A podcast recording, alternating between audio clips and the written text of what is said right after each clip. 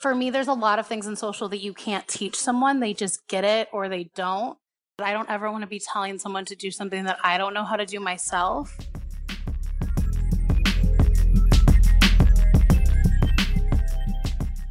You know who it is. It is social on the sidelines, live from Las Vegas, but not really because Amara's eating a chicken sandwich in her hotel room from room service, and I'm in Minneapolis, but it is what it is. Uh, presented by Front Office Sports and maybe chicken sandwiches. Plus, episodes are brought to you by who, Amara?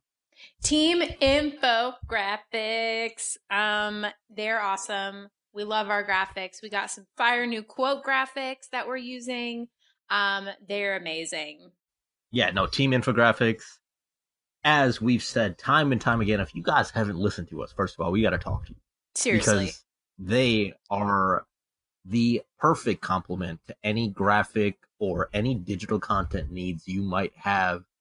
Where can you find them at, Amara? You can follow them on Twitter at Team Infographs, or you can contact them at teaminfographics.com. If these words aren't ingrained in your mind by now, we aren't doing seriously. we aren't doing a good job because every time I wake up in the morning, I think you can follow Team Infographics at Team Infographs on Twitter in Amara's voice and online at Team Infographics. So if you don't think that way, let us know. Re- review us one star in the App Store if it's not. no, great. please don't do that. Amara won't be able to eat chicken sandwiches at Yo. absurdly high prices if you do that. Shout out to this $35 chicken sandwich that I'm eating right now. Whew. Wow, Vegas, Vegas is something. First of all, before we talk about summer league and who's on today's podcast, can we just talk about how Vegas is literally my least favorite city in anywhere ever? Yeah, it's literally, I hate Vegas. Sorry I for everyone that loves it. I hate it. I don't mind it too much, but like I think I'm going on like eight days right if you now. spent, yeah, I, like I think the the happy medium is like three to five days. Yeah.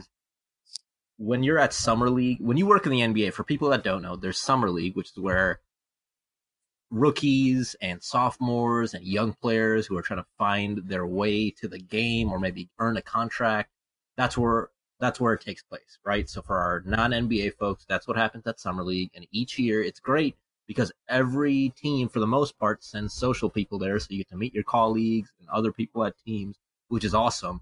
But it's also like every day there's different games. It's 114 degrees outside. People are trying to give you club cards every time you walk outside for clubs you would never go to ever. Ever. and uh, it's just very hot, and uh, the food is overpriced and not that great, unless depend where you go to. I've heard a lot of fuss about buffets. I'm not a huge Vegas buffet guy. Don't at me, but um, yeah, the buffets are Yeah, pretty solid. I'm a I'm a buffet connoisseur, and they're uh they're pretty solid. if Amara says she's a connoisseur of anything, don't believe her because Except if it's not. buffets, because I am. All right, whatever you say. Uh, so today on the episode, we had Megan Julian, one of our former NBA colleagues with the San Antonio Spurs, now with the Los Angeles Chargers on their social team. Pretty cool episode. Um, we talked about her switch from NBA to NFL, uh, obviously her journey, as we do with every guest, and the differences between the two, um, her hiring practices, just a lot of cool stuff overall, right? Yeah, definitely. I think it's really interesting. Um, obviously, we've known Megan for years, and she's always been, you know, one of the people in social that I've really admired, especially with, you know, the Spurs have a very, they run a very, you know, tight ship. And um, I think she did a really, really great job there with the access and stuff that she was given. So it was cool to hear her, you know, her side. And I'm really happy that she's happy in LA. Yeah, no, for sure. And, and on that front, like, like you said, Sp- the Spurs are notably known as being kind of hush hush, whereas on the other spectrum of things, it seemed like the Chargers are the complete opposite spectrum. Yeah. So we talked about her strategy and voice when she goes from a team that is very tight knit, as Amara said, to the Chargers, who recently moved to Los Angeles, uh, big fan base, the NFL, 16 games, hyping up, uh, you know, a game that only takes place once every week. Um, just a lot of cool stuff. So more on that to come. But in the meantime, uh, let's talk about summer league. How, how many years have you been covering summer league? This is my uh is it my third year? Yes, I think it's my no, second year. I don't know. Yes, yes, yes, second year, second year. Um I did it once with the Grizz and then um now with the Blazers. But um yeah, I mean it's it's funny because you you think you're going to see all your friends out here, but honestly it's so chaotic and you're just you're just trying to get to one place to the next um, but yeah, I mean it's it's fun. Blazers are four and zero. Oh. Woo Shout out Blazers. Nice. Must be nice. Yeah, no, I think summer league actually, coincidentally enough, this is the first year I haven't gone in five years. I was gonna say half a decade to make myself sound cooler than I was, but five years. First time I'm not at summer league, but it's actually also kind of where I got my start because um, I flew myself out to Summer League those five years ago to cover, to kind of meet people. And for anybody looking to get into NBA specifically, that's the perfect place to go. Like people ask me all the time, is it worth it to go to Summer League? If you're working, obviously it's a whole different story. If you're looking for work, yeah, it's the perfect place to get for sure. Every commentator, blogger, social media person that's involved in NBA is most likely there. In addition to like celebrities and past athletes that are just cool to see. Um, but it's 100% worth it in my opinion, unless yeah. you are just eating chicken sandwiches in your fancy hotel room. Then all right, let's let's calm down. no, I I totally agree. I actually um have seen quite a few people get their starts at summer league as well, and actually one of my friends, Ashley Neville she's a reporter and she um, has been grinding at summer leagues and just trying to get interviews. And this year she's actually on staff at summer league doing in arena interviews, and it's just it's shout out Ashley. Yeah, shout out Ashley. It's it's super cool. Um, I definitely agree. It's the place to be. Um, Doris Burke is there, so why would anyone want to be elsewhere? Um, there's chicken sandwiches. All right, I, so I support it. It's just it's your second year there. What yeah. is the most memorable summer league experience you've had? Oh, uh, besides your chicken sandwich. Yeah, this is this is up there to be honest. Um, no, I guess. Um, man, I'm blanking. I don't know. Um, yikes! You put me on the spot. I guess this I year do. this year has been fun because um, I'm getting to know the Blazers players, and um, I think this is like a low key setting. Um, I obviously see them in practices and stuff, but it's been a cool way to introduce myself and kind of um, get to do uh, things with our guys. We did a couple. We did like this Instagram takeover, which I thought did pretty well. So the Twitter Q and A. Yeah, we did yep. a Twitter Q and A. So I think it's a you know for me, it's just been a, a good way to get to know our new guys and start building those relationships and trust as we go into the season. Yeah, for people listening, like this is the one area I had Cody, our social media manager. I I, I sent him over there this year, and my pitch uh, to do that was just that what Amara said. Like it's the perfect way for our rookies and young guys to get acclimated with who we are, what we're willing to do, um, you know, make good on making a great impression with a lot of staff members that might not know what our roles are in social and build a relationship for the for the next season. Just because you have all these people in one place you can really show that you can put together great work and uh, you know build the personalities of our rookies and young guys while also staying out of the way and kind of proving to uh, you know the basketball side of, of folks uh, that we can be in these places and we can have access and uh, it, it's a mutually beneficial opportunity. So I was really excited. We got to do like our, we got to do a day in the life uh, with our first round pick, Josh Okogie and Cody and our video guy were like in his room. He was playing Fortnite, walking through what he,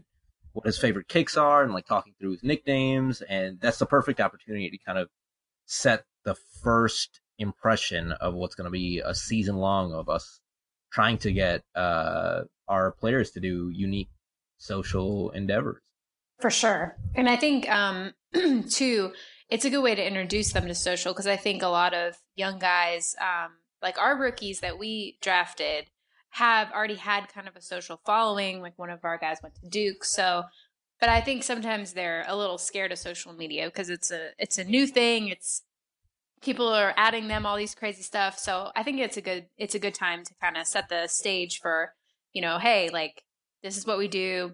It's gonna make you look good. We're not gonna make you look bad. So yeah, it's been it's been good so far.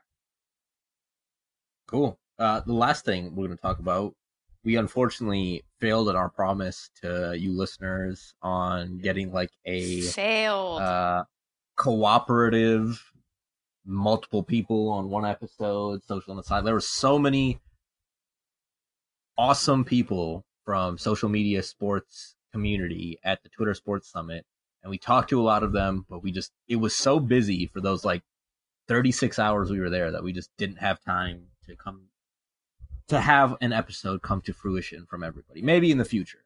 But Yeah. that being said, it was a pretty cool event just because we got to hear uh, from folks outside of our industry, which this podcast we get to do, but on a much bigger scale, kind of walk through their strategies.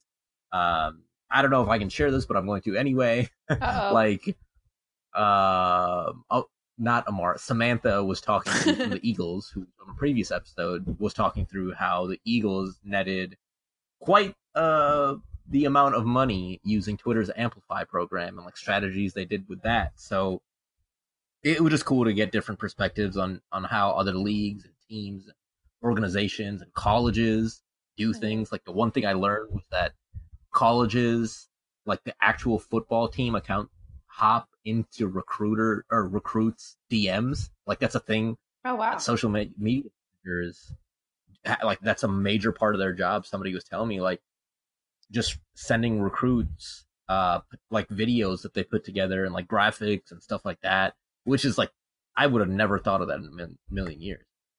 Yeah, no, that's funny that you say that because I was in a session as well, and um, it was kind of just it was like an open session, kind of talking about you know the different struggles that we face, or you know how we overcome challenges in our day to day. And um, one of the uh, I can't remember, I want to say it was USC. I, don't remember who she, uh, what social account she ran, but they were saying like we can't really be snarky and we can't really go at other teams because our literal job is to recruit players. Like we can't put our organization in any kind of a bad light because then if the recruit doesn't come there, they could point to us and be like, "Well, that it was this tweet that you went at someone else and yada yada yada," even if it wasn't that. So I thought that was super interesting because I that would be the last thing I would think of, you know, that a social account would be. But it's pretty cool. Yeah, no, absolutely. The the one last thing we'll end with before heading into Megan's interview is that I talked to an NFL team, um, and I've I've actually had experience with something similar when I was in the NBA, but uh, they were telling me that when they go out for like free agent pitches, sometimes owners or executives ask for social audits of players, so like a rundown of the type of stuff they like, what they've tweeted about, if there's anything Oh. that stands out from a negative aspect. Um, and that's something on the NBA side, I've actually done something similar. Um, but it was just cool to hear, like, even when it comes to player involvement in other leagues, you might not think like, oh, the social person's just tweeting, getting ready for next season and putting together ideas for the schedule. No, like there's a lot more to it that we don't know across leagues and teams and organizations that is somebody's working really hard on and you'll just never see it. That's awesome. Yeah, it was a fun time. I'm I'm glad we went. I am too. But without further ado, next up, Megan. Social on the sidelines, take 87 with Amara Baptist and Megan Julian from the Los Angeles Chargers.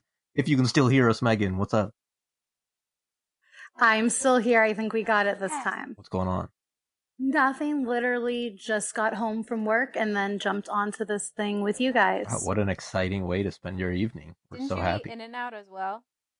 I did. I did. I left work, got to In and Out, and got here like right at six. So I I handled it pretty well. I even got to bring my dog out. So What did you order from In and Out? Is the real question.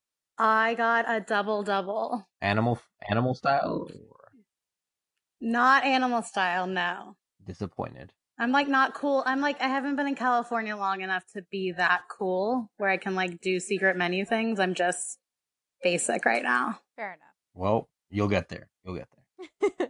so, off the bat, uh, we obviously know you from your time with the Spurs, but everyone else might not. So, give us a little bit of introduction, what you've been up to, how you got to where you're at now, and uh, kind of your journey. Yeah. So out of college, I knew I wanted to work in sports. Um, I had a revelation kind of my junior year that social media for a sports team was a job, and I immediately knew that that's what I wanted to do. Um, didn't land a job quite right out of college. Um, took me about a year uh, working in a nonprofit.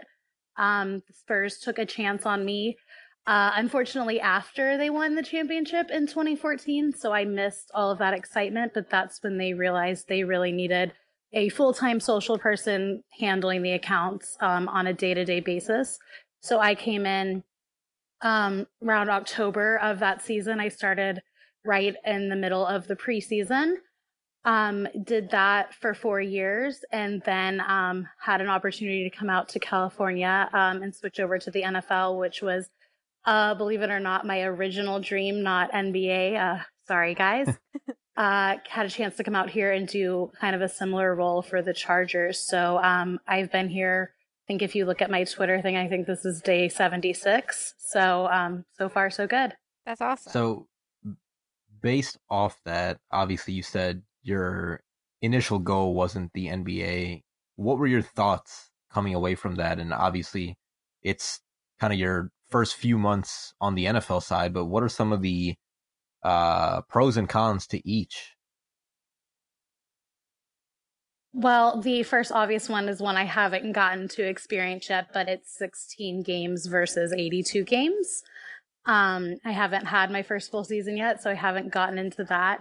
Um, but honestly, I wasn't as big of an NBA fan as I was an NFL fan coming into my job at the Spurs. Um, but I left a huge fan of NBA, a huge fan of the league, the players, um, and of course NBA Twitter is one of my all-time favorite favorite things. Um, so there's definitely a big difference there. There's a big difference in terms of how teams kind of handle their accounts. There's a difference in the way that NBA approaches social media and the NFL as a whole.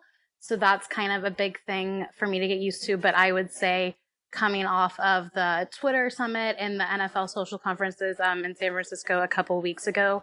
The one thing that is similar is the people. Um, I was really nervous about leaving the NBA because I was going to leave people like you um, and kind of go into this different world of NFL social, but um, same type of people, same kind of group, same type of camaraderie. So I think that's um, kind of been my saving grace is having a uh, social media support group to lean on. That's, That's awesome. awesome.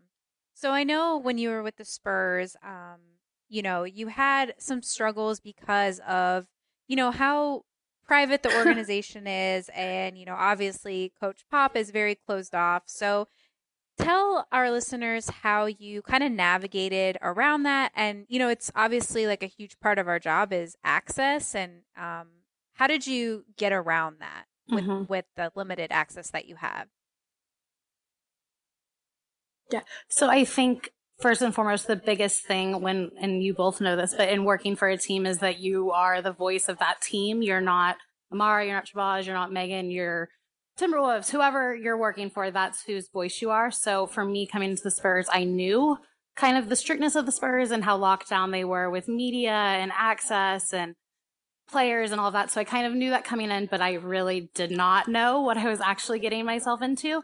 Um, but you have to be respectful of your organization and how they operate because at the end of the day, it's a basketball team or it's a football team or it's a soccer team. It's not an entertainment group. They're a team. They're out there to win games. Everyone wants to go to the NBA finals. Everyone wants Super Bowl.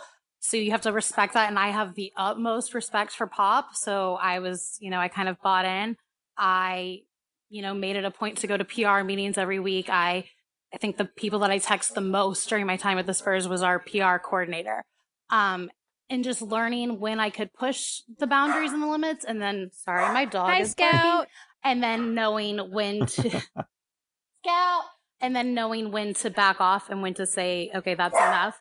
And I was really fortunate in that the Spurs PR team and other teams kind of I took their expertise in PR and the way that the Spurs run things, and they took my expertise in what's going to perform well on social. So I could always make a pitch, present my case. Not everything was going to get approved. Um, but the biggest key was it's easier to operate within our parameters and do a good job than it is to burn a bridge with someone and then have the access that you do have revoked. Um, and then we owned it. I owned it. The Spurs are humble and they're family and they're prideful, but not too prideful. We're humble.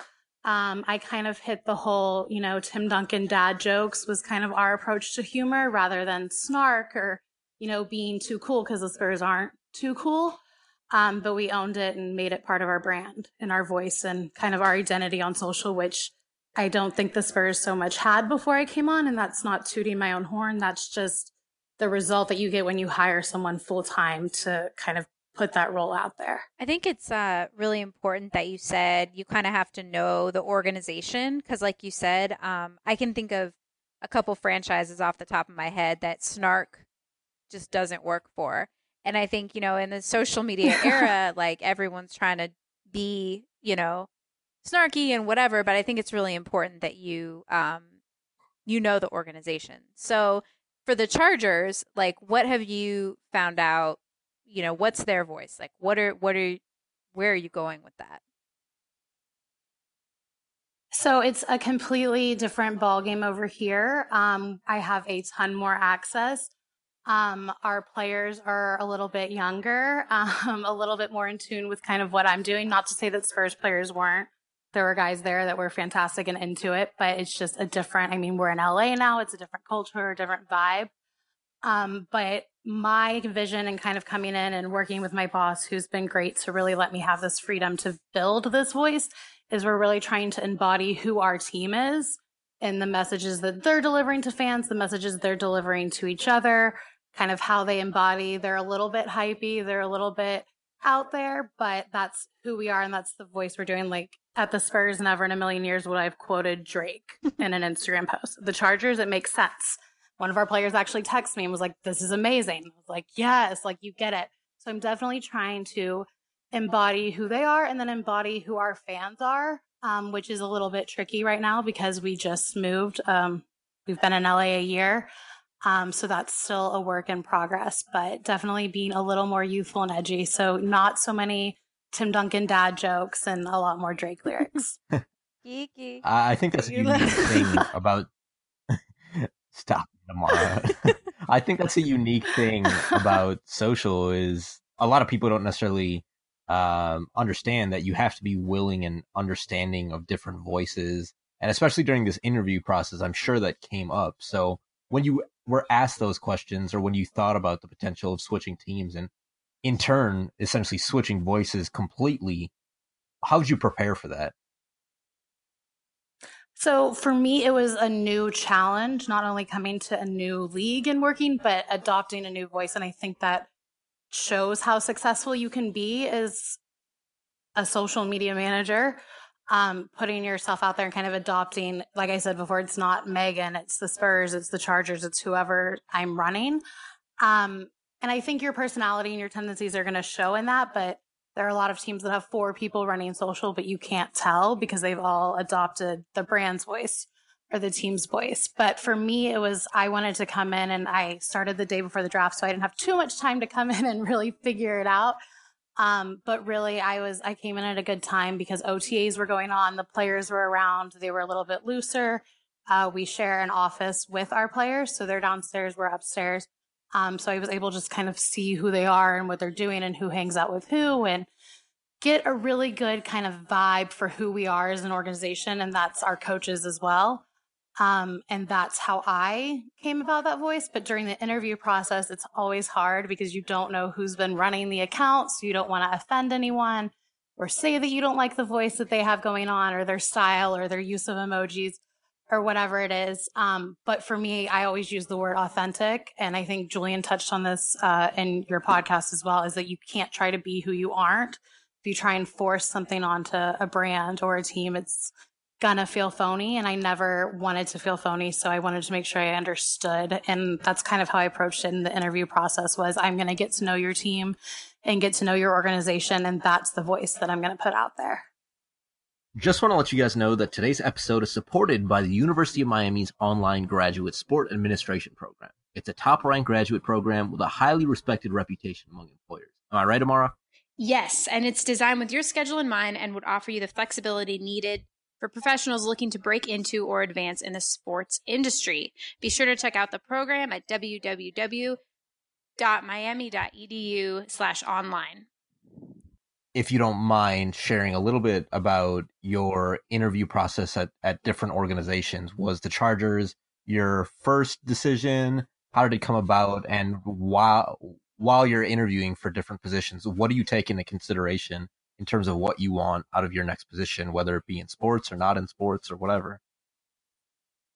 Yeah, so that was huge for me making the decision. I knew I wanted, I knew I was looking for another opportunity, obviously. Uh, I was not with the Spurs for two months before I was with the Chargers. So I was actively looking, actively talking to a lot of different places and a lot of different teams.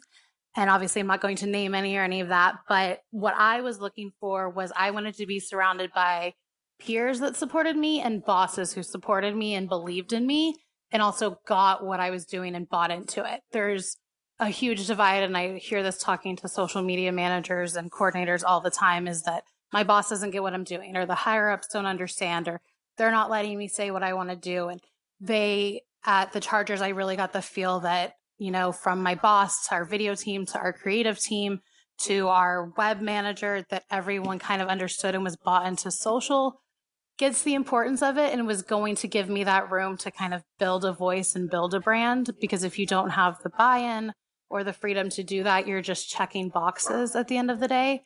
Um, and I had a lot of good opportunities presented to me, but I had to go with the one that I felt gave me the most room to grow individually and the most room to grow a brand and a voice.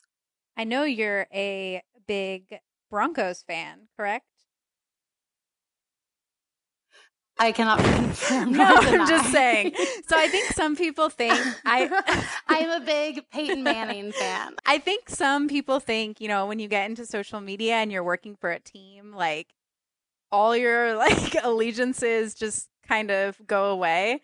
I got that a lot from Laker fans when I moved to Memphis. Um, so how do you mm-hmm. balance mm-hmm. kind of your own personal branding, um, but still obviously you're really passionate about your job? How do you kind of balance the two? Yeah, so I think it's important to also have an identity outside of your job. Um, but obviously, then at the end of the day, it's like, well, I'm rooting for the team that I work for because you've gotten so close to the players and the organization. And, you know, everyone wants, like I said, everyone wants to go to the finals, to the Super Bowl. Um, but I think it's important to kind of have your own identity and so for me, like I worked for the Spurs, but I grew up, I was born and raised in Houston. So obviously that's a little bit weird. So everyone that I know, my family, my friends, everyone that I know is big Houston fans. And then we're playing Houston like in the Western Conference semifinals. So obviously, like if the Spurs aren't playing the Rockets, I'm going to root for the Rockets because that's my hometown. But at the end of the day, you're still, you know, rooting for your team. And then I think the other thing is, it's okay to like players on other teams. It's okay to think another team does this really well. Um, and I mean that in terms of both on the field and in terms of what they do on social. Um, but yeah, I mean, I was I was a Peyton fan. I followed him over to the Broncos. Obviously, it helped me a little bit with this job because I know a lot about the Chargers as we played them twice every year. Um, but I don't want anyone to get it twisted. I am rooting for the Chargers through and through. Sorry, um, Ben Hunt and the Broncos, but um, Chargers are going going all the way this year. So it's it's a fine it's a fine balance, but I definitely think there it's okay to have your own identity and your own players that you look up to and you know, I can't erase where I was born. I can't erase who I was a fan of growing up. And I think that's really inauthentic to do that to yourself and pretend like you didn't like another team before. For sure. Um, so I know you recently went through a hiring process for a part time Talk a little bit about what you look for when you're hiring um, and, and what you learned from that process. So, yes, I just, my intern actually started Monday. It's my first time, it's my fifth season in uh, sports social media and my first with an intern. So I'm very excited. Um, shout out Colton. Ooh, that's my um, guy. Shout out Colton. That is, yeah. Shabazz actually recommended him, which went a very long way. Um, so yeah, shout out Colton Gordon. We see you. yeah, Um, Colton. But it was a very difficult process. Look at this. This guy, it's his second day. Crazy. Um, the finding someone for social, and I think Angie had touched on this in your podcast previously, but it's for me, there's a lot of things in social that you can't teach someone. They just get it or they don't. And that's really hard. It was really hard when I was talking to my bosses and to my friends and my mom about it. She was like, I don't understand what you're looking for. And I was like, I'm not really sure, but I'll know it when I see it. and so all I mean, I got a ton of resumes, like these resumes look amazing. But for me, it's like I need to know how you're going to attack social. So I send them a social assessment. So it's a bunch of different scenarios. How would you handle this on each platform? Or it's like, oops, we messed up a birthday, or oh, we did this. How would you handle that? And a lot of these are things that I'm going to be dealing with, not necessarily our intern, but it's important for them, me to feel that they have an understanding of it. Um, so my, I talk to a lot of people. Um, you know, looked at resumes, talked to a lot of people on the phone, liked them a lot, but then the social assessment wasn't quite what I wanted it to be. And that could be, they could be great for another organization. They just didn't maybe fit our voice or who we were. And part of that was I was hoping they were going to go look at our social and kind of embody that and see it and do your research and know what hashtags we use and what emojis we use and what nicknames players have. Um, so for me, it was the little things. Like, did you grasp those little things that I didn't quite tell you to do, but I wanted you to do? Um, and then there's obviously like, I'm going to be working with this person a lot. We spend a lot of time together. There was, you know, during phone calls, was there a good chemistry? Was there kind of a good back and forth? Um, was important. And then obviously recommendations. If someone tells me if I could hire this person full time, I would. For me, that's a huge, that's a ringing endorsement for anyone. Uh, just out of clarity, that is 100% what I said. So, uh, that is literally exactly what he said. Yes. uh, for people's reference, Colton worked with me previously at the Sacramento Kings as well as an intern. He was one of my favorite interns ever. Bunch of exciting stuff. I'm really excited for him to get this opportunity with Megan. Um, but just a quick, multifaceted follow up. When you're looking for people on your team, how much are you looking for people that differ from your skill sets? And then the second part of that question is what do you do on a kind of year to year basis to kind of differentiate what you did from the previous year in terms of skill sets, whether that's Photoshop and then learning After Effects or how do you kind of approach, yeah, you know, being new across you being a social media? Yeah, so I think in terms of looking for people, like I am really good at Photoshop, not as good at Premiere. Um, Colton has some Premiere experience, so that's great. So looking for someone that kind of brings something else to the table, and then I mean he's 21, so he's got his finger on the pulse more than I ever could, even if I tried. Um, so he definitely knows what's new, what's trending, what's going on. So definitely having that perspective, and then I think I don't mean to bring gender into it, but I think it is good that you know, I'm a female, he's a male. We can kind of go back and forth on different things and my perspective on how a female is going to read this or how a male or, you know, our different audiences, I think is important too. And that's something that I think goes, gets overlooked a little bit. Um, and then in terms of me getting better, so like I wish I had done more After Effects. I wish I had done more motion graphics, all of those things in college when they were available to me and I had, you know, free services to them. That's the one thing I kind of regret. I was focused more on the copy and the writing and that side of things and the concepts. Um, I wish I had a little bit more nitty gritty in that. And then um, something I'd started doing at the Spurs was photography, which Shabazz, I know you've gotten into as well. Mm-hmm. Um, so just trying to grow my skill set. I don't ever want to be telling someone to do something that I don't know how to do myself um, or that I can't guide them or help them in. I don't think that's a good balance. Um, so I definitely there are things that I want to get better at, but then there are things that I defer to the experts. So we have at the Chargers, we have five or oh, we will have five guys on our video team. Um, we have two graphic designers and two interns. So we definitely have that, but they also give me the ability to do things where I can. So I think it's a good balance. And part of me is learning from, you know, my coworkers and my peers. That's awesome. Yeah, that's very insightful. I think it's really um no, I think it's really important that you um, can learn from your coworkers. I think, especially in social and digital, like it's easy to kind of plateau, not plateau, but kind of just lose inspiration. And I've found that, you know, NBA Twitter and like our colleagues really inspire me. But that's awesome that you have a place where you're constantly learning.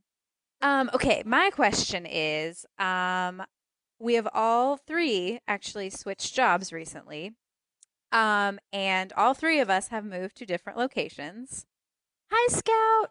Um, so like how was that for you? Was it scary? You know, I I was terrified to move again, but tell us a little bit about like your experience.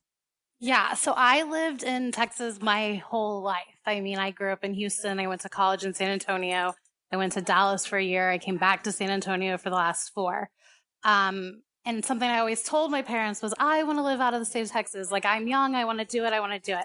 But then it was like, oh my God, it's here. And for me, I took the job with the Chargers and they were like, can you start um, before the draft? So I had like, I think 13 days. so like find a place to live, pack up, drive me and my dog across, you know, the border up into California. Um, so for me, it was really scary. And it's really scary not only moving to a new place, but really scary moving to a new job, um, to a whole new team, to a whole different market, a whole different fan base. Um, so, you know, I was, I think Amara, we both use Headspace. So I did a lot of that. Um, I did a lot of talking to my mom, who shout out mom is, uh, the best human being in the world. Um, I talked to my friends a lot. I spent as much time with my friends in San Antonio as I could. I made everyone I know promise to come visit California, which isn't really hard to get someone to come visit you when you live in Orange County and it's beautiful and you're 10 minutes from the beach. Humble um, brag. But I was humble more brag. Humble brag.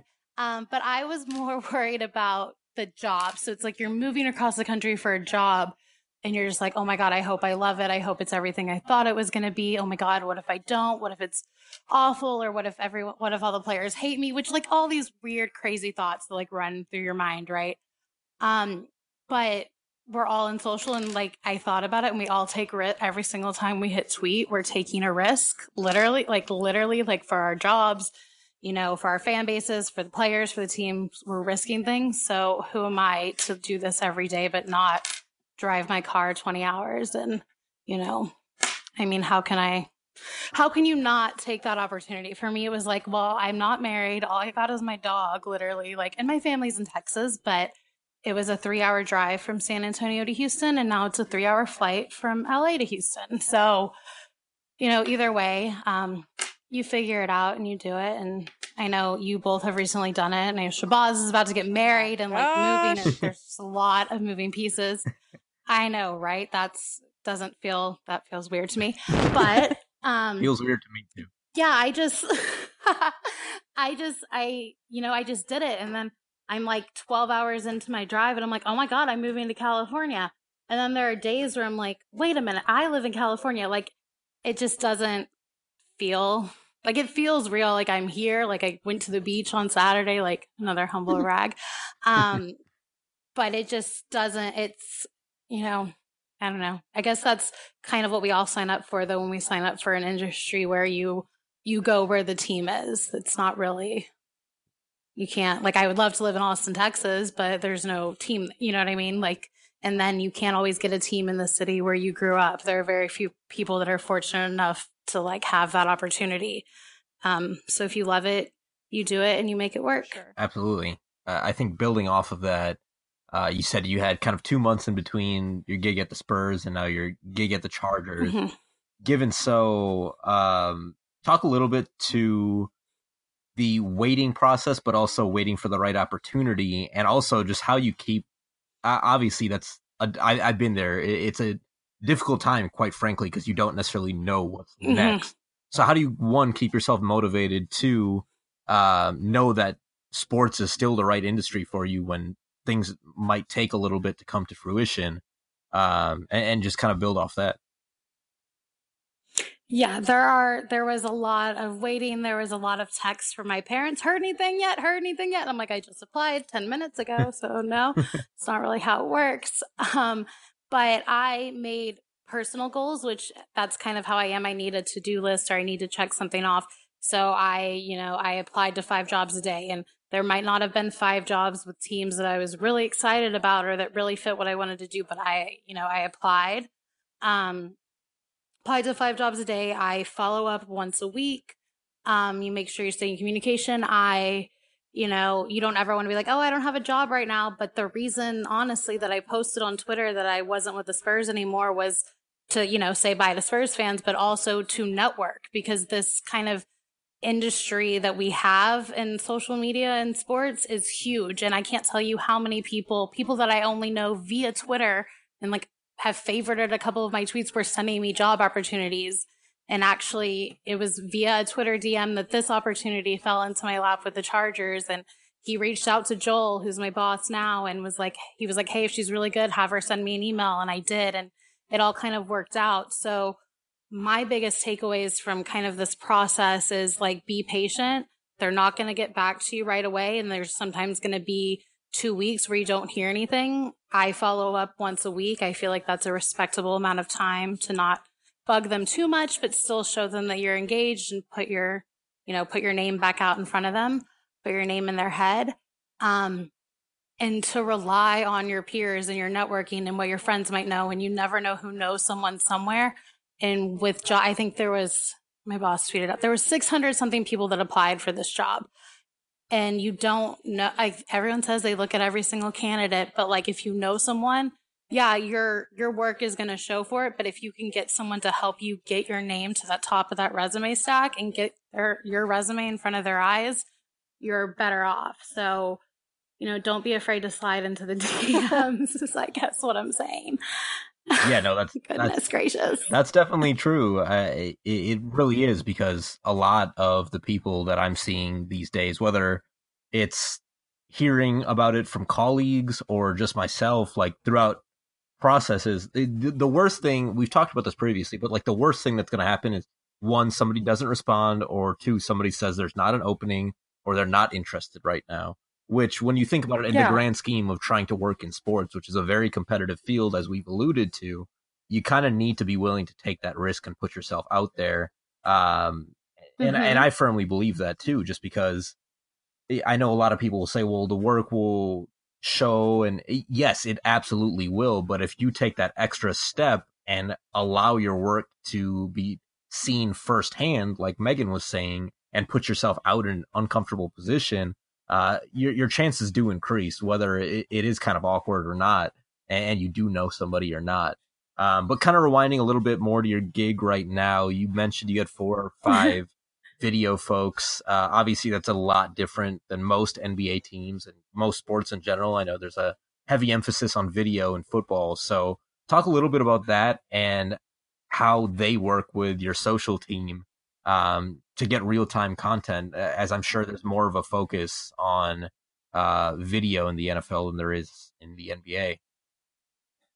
Yeah, I mean, one because we're just less highlight heavy for you know obvious and apparent reasons, yep.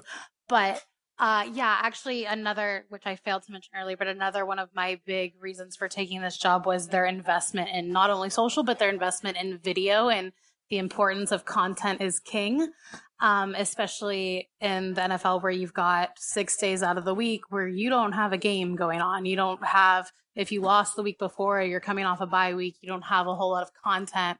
You know, in the NBA, it's like you're on a back to back or, oh, we're back at it the next day and you're good. Um, here we have um, Jason. Shout out Jason. Shout out so many people. Um, but Jason is kind of our head of video and he uh, came from the Jets, but he is amazing in letting me kind of tell the guys, hey, what if we did this? What if we did this? Letting us come up with our own ideas. Um, and then dedicating a one of their producers more specifically to social, which is something I've never had before. It was kind of like, uh, whoever is available will do that for social. Um, but now David, shout out David, David and I work really closely and are starting to do more social specific things. So not just taking what we made for the site or what we made for broadcast or whatever, but like this video was made for social. Its sole purpose is for social, um, which at the Spurs was always, you know, a pipe dream and things we wanted to do, but not, you know, feasible within our parameters. Whereas at the Chargers, we're kind of set up for that. Um, and we're blessed in that our video team is falls under digital, which I also report to. Um, so we definitely have that, you know, touted digital first mentality. Um, but they're just and they're they're creative and they want to push the limits and they want to try new things and they want to you know see what works and test it. Oh, that didn't work. Let's you know reevaluate and do it this way. Oh, we did this six seconds and it did great. Can we do more of that? Um, so there's definitely we have a very heavy investment um, in video and in real time content. So in turning things around quickly, like we have training camp coming up, so we're figuring out logistically how can we get things up you know, that are polished and nice as quickly as we can. You know, I can do a lot with my phone, but I can't, you know, follow the ball the way they can. There are just things that I can't do. Um, so that's a big part of it. And then um, obviously, I haven't been on the road yet. I haven't done, you know, regular season game or preseason game even yet, but that's also a big initiative there. And that was a big factor in me coming here was that everyone was bought into the importance of social and getting those views. And they all ask me, how did this do? Or they're looking and they're like, this did really well. And this is doing awesome. And they want their views up there. So they're going to keep trying. Um, and they've been, they've been phenomenal. That's awesome. To kind of follow up on um, mm. how you were touching on, the NBA has a ton more games and there's always a plethora of content. How do you, or how will you, I guess, since you haven't um, been there for that yet, but let's say you lose. How will you keep fans engaged throughout the week until the next game? Like I, I don't know the answer, but I'm just wondering. Um no, yeah, it's it gives me a little bit of anxiety. I might have to get on Headspace here in a minute, and you know, because I'm a little shout bit stressed. Headspace. um, but shout out Headspace. Shout out Headspace. Yeah, but it gives me um some anxiety. But for me, that was like that. That's a new challenge. That's something I want to take on, and uh, at the Chargers, the amount of access that we have to players and being able to tell their stories is huge. So doing if it's a Twitter Q&A, if it's this, if it's a feature that we've been sitting on for a minute, whatever it is, having something out there that isn't directly related to, you know, what happened on the field. Um, hopefully we don't lose a lot of games. I'm hoping I won't be in this situation too often, but even if you win a game on a Sunday, are you still tweeting about that game on Thursday? You know what I mean? Like how the shelf life isn't quite as long. Um, but then I feel like, you know, on Tuesday, Wednesday, then it turns into hyping up that game. You know, like if it's Raiders week or whatever is going on, we're facing the Broncos on Sunday, kind of whatever it is. Um, so a lot of like hypeable, teasable content. And then uh, one of our big things this year is like the helmets off type of stuff. So we really you know, our campaign and our season long, everything we're focusing on is telling these players stories off the field. And, you know, we've done, we did, just did a piece on Austin Ekeler, who came from D2, um, a nice 10 minute feature on chargers.com if you want to check it out. um, but just really telling their stories and who they are and tapping into that. And like, for example, right now it's probably the biggest lull in the NFL season is like the end of mini camp to the start of training camp, which is at the end of this month. So right now, like I, Derwin, our first round draft pick, tweet or Instagrammed a video of him like working out on the beach, and I pulled it and I posted it, and it did really well. So I asked all of our other players, I was like, "Hey, if you're working out, you know, send me send me your videos." So today, two of them did, and that's got more views than some of our produced content.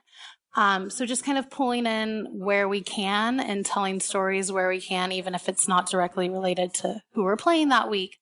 Um, cause, you know, right now is the biggest, ex- the most downtime I've had since I started. I started, it was draft and then it was rookie mini camp and then it was OTAs and then it was regular mini camp. And now I'm like, oh God, I have all of this time and there's no players downstairs. What am I going to do?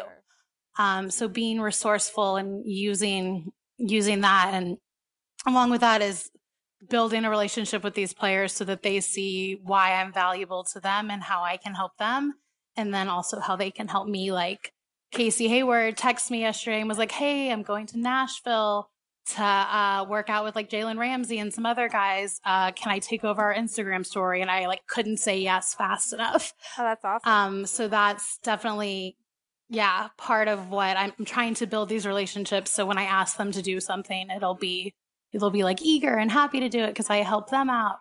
Um, so I think that's kind of my strategy is really focusing on the players and the team and what they're doing. Absolutely. Uh, so on another kind of note that I've wanted to hit on on social on the sidelines that we haven't necessarily gotten into a bunch, but I'm interested in in your thoughts on it.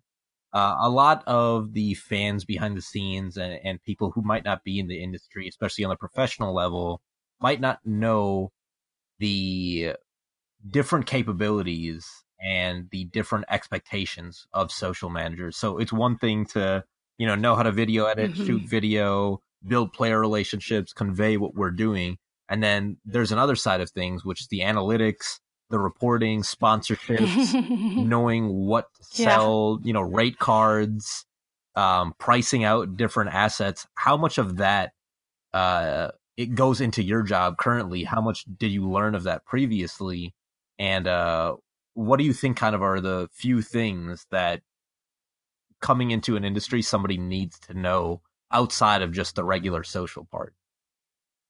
Yeah, so I think the whole you touched on it, but monetization is something that people just they're like, oh, you tweet kind of whatever's cool and whatever's happening. And I'm like, also, we're trying to find a way to monetize this and turn social, you know, from a cost center into a profit center. I think that's one of the things I heard a lot at the Spurs where we were when I was there, we were kind of revamping how we did sponsored content um here kind of actually today i was in sponsorship meetings pretty much my whole day was spent um in meetings with different potential clients and sponsors at the chargers so i think that's a huge a huge piece of it and then the other thing is that we have marching orders too and i think a lot of people don't realize that that we're still a big push for season tickets or in individual tickets or community initiatives kind of whatever else is going on social is seen as the biggest platform and the biggest reach for those things. So there are a lot of things that might not be the most engaging, but they're part of the brand's messaging and identity that we have to put out there. And I think that's something that not everyone realizes. It's like, oh, well, why would they tweet this? Like, we get, you get that a lot. That's like, oh, this person is so dumb. Why would they tweet this? Well, you don't know what's going on behind the scenes and why this is important or whose initiative this is um, there's a lot more than just, you know, this is what's cool and this is going to get 200 retweets or, you know, kind of whatever your bar is for that. Um, and then the analytics and the reporting is a whole other beast, and that where most teams are being compared not only to other teams in their market, but other teams in their league and then outside of their league. And this person's doing this and this is going on here. And why aren't we doing this? And why we promise to sponsor this number, but we're not hitting this number. How can we hit this number? And then explaining the algorithm to your sponsorship team and explaining stories versus, you know, versus the IG feed versus now IGTV. So there's a lot, I think, of education that goes into this role and educate a big part of being if you're the main social media person or the lead social media person at your team, a big part of your role is educating other departments. I think that that's not really something that when I came in at the Spurs that I was totally prepared for or even really understood was on my plate. But then I started to understand that I am the only social media specific employee. So when they want expertise or they want understanding of this, they're going to come to me. So I had to make sure that I was in tune with all of that and knew what was going on and that I could not only explain it, but like explain the value in it and why we need to do this. And I think that that's something that definitely not even between like we talk about it like between us like complaining oh i had to do this or they don't get this or whatever but i don't think we even really talk about it as an industry very often we always say education but it really is a bigger part of my day to day than um, i really expected five years ago when i got into this industry. For sure. So kind of to close up any last thoughts and any last piece of advice for folks before we sign off?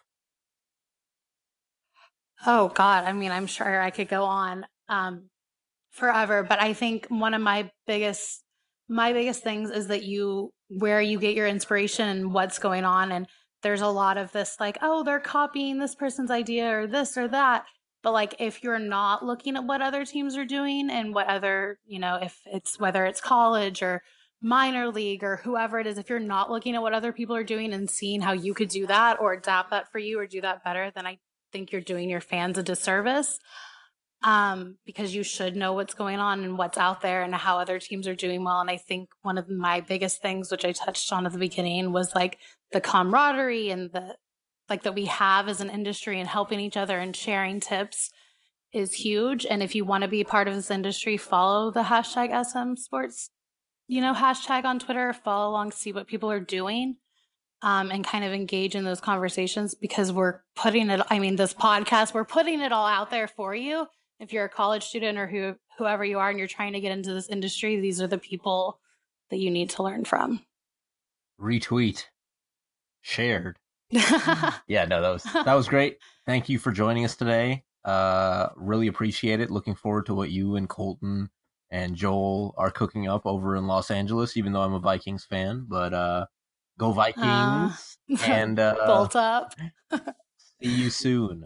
Please, anybody right. uh Megan said you can slide into her DMs with any questions related to social media sports. So do that. They're open. Hey.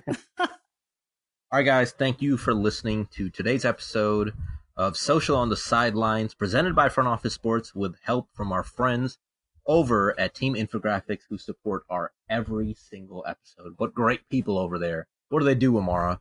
There are some great folks over there making us some fire graphics content, and make sure to check them out on Twitter at Team Infographs, or you can contact them at teaminfographics.com. Yes, you can. And if you don't, and if our read of Team Infographics isn't stuck in your head every day, we're disappointed, but not Correct. surprised. Um, next up, there actually may be a blooper reel for real this time. I trolled you guys last time, but here's one this week.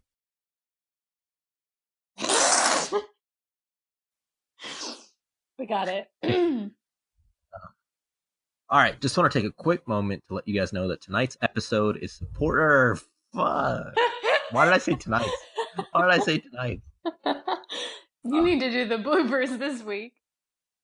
Mm. Yeah, for real. So be sure to check out the program at www. God damn it!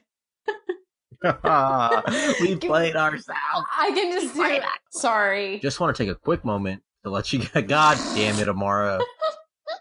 All right. okay, you got it. Today's episode is supported by the University of Miami. I can't Say- do it. I Just want to take a it. quick I moment. can't do it. I can't do right, it.